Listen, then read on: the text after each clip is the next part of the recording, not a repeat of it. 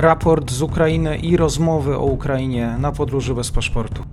Dzień dobry wszystkim słuchaczom. To już 111 dzień rosyjskiej inwazji na Ukrainę. Mamy 14 czerwca. Jesteśmy już blisko, 10 km od miasta. Dlatego czekajcie na nas, bo na pewno przyjdziemy, tak powiedział ukraiński żołnierz do mieszkańców okupowanego Hersonia w nagraniu wideo opublikowane w poniedziałek przez agencję Union za korespondentem wojennym Andrijem Sapilienką. Rosyjskie wojsko prawdopodobnie po raz pierwszy od kilku tygodni dokonało niewielkich postępów w regionie Charkowa na Ukrainie, ale głównym wysiłkiem pozostaje atak na Siewierodonieck w regionie Donbasu, informuje brytyjskie Ministerstwo Obrony. Wojska rosyjskie nadal atakują siły ukraińskie właśnie w Siewierodoniecku przy użyciu artylerii. Rosjanie przerzucili na kierunku Siewierodonieck dwie batalionowe grupy taktyczne. Rosja zniszczyła wszystkie mosty prowadzące też do miasta. Miejscowi żyją w trudnych warunkach, ponieważ ewakuacja ludności cywilnej i dostarczanie pomocy humanitarnej do Siewierodoniecka jest niemożliwe.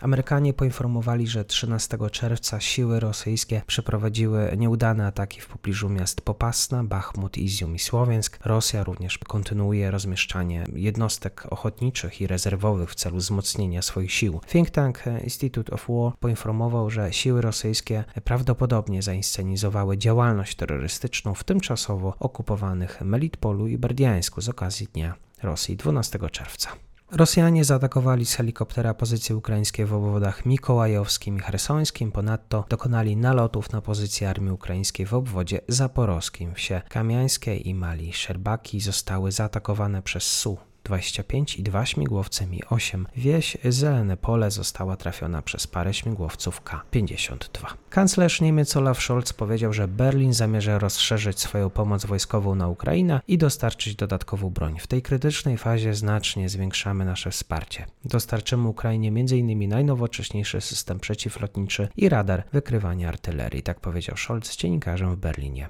jeszcze wczoraj. Po stronie ukraińskiej przeciw Rosji walczą obecnie około 3000 Brytyjczyków i są oni drugą co do wielkości grupą wśród zagranicznych ochotników. Tak ocenił w rozmowie ze stacją Sky News dowódca Legionu Gruzińskiego Mamuka Mamuszwili. Według niego w szeregach ukraińskich służy obecnie około 20 tysięcy zagranicznych żołnierzy. Najwięcej wśród nich jest Gruzinów, Brytyjczyków i Amerykanów. Ukraina otwiera ponad 700 spraw kolaboracji zdrady stanu od początku wojny. Około 400 wniesionych spraw karnych zostało przekazanych innym organom ścigania. Liczba podejrzanych o współpracę jest podobno największa w obwodach ługańskim i kijowskim. Serwis Politico, powołując się na urzędników, podał, że po rozmowach 13 czerwca Komisja Europejska zaleci przyznanie Ukrainie statusu oficjalnego kandydata do Unii Europejskiej. Od początku wojny funkcjonariusze Polskiej Straży Granicznej odprawili na przejścia granicznych z Ukrainy do Polski ponad 4 miliony osób, poinformowała e, dzisiaj Straż Graniczna. Ostatniej doby do naszego kraju z Ukrainy przyjechało 21 tysięcy osób. W ciągu pierwszych 100 dni inwazji na Ukrainę Rosja zarobiła 93 miliardy euro na na eksporcie paliw kopalnych podało w poniedziałek Fińskie Centrum Badań nad Energią i Czystym Powietrzem. Zarobek Rosji na surowcach energetycznych osiągnął rekordowy poziom. Papież Franciszek powiedział, że słowa, jakie rzekomo wypowiedział o szczekaniu NATO u drzwi Rosji, usłyszał dwa miesiące y, przed wybuchem wojny na Ukrainie od jednego z przywódców państw. Włoski dziennik La Stampa opublikował we wtorek zapis rozmowy papieża z mediami jezuickimi. Papież zapewnił, że nie jest za Putinem. Wspomniał też o okrucieństwie rosyjskich wojsk i heroizmie narodu ukraińskiego. Bardzo Państwu dziękuję. Do usłyszenia.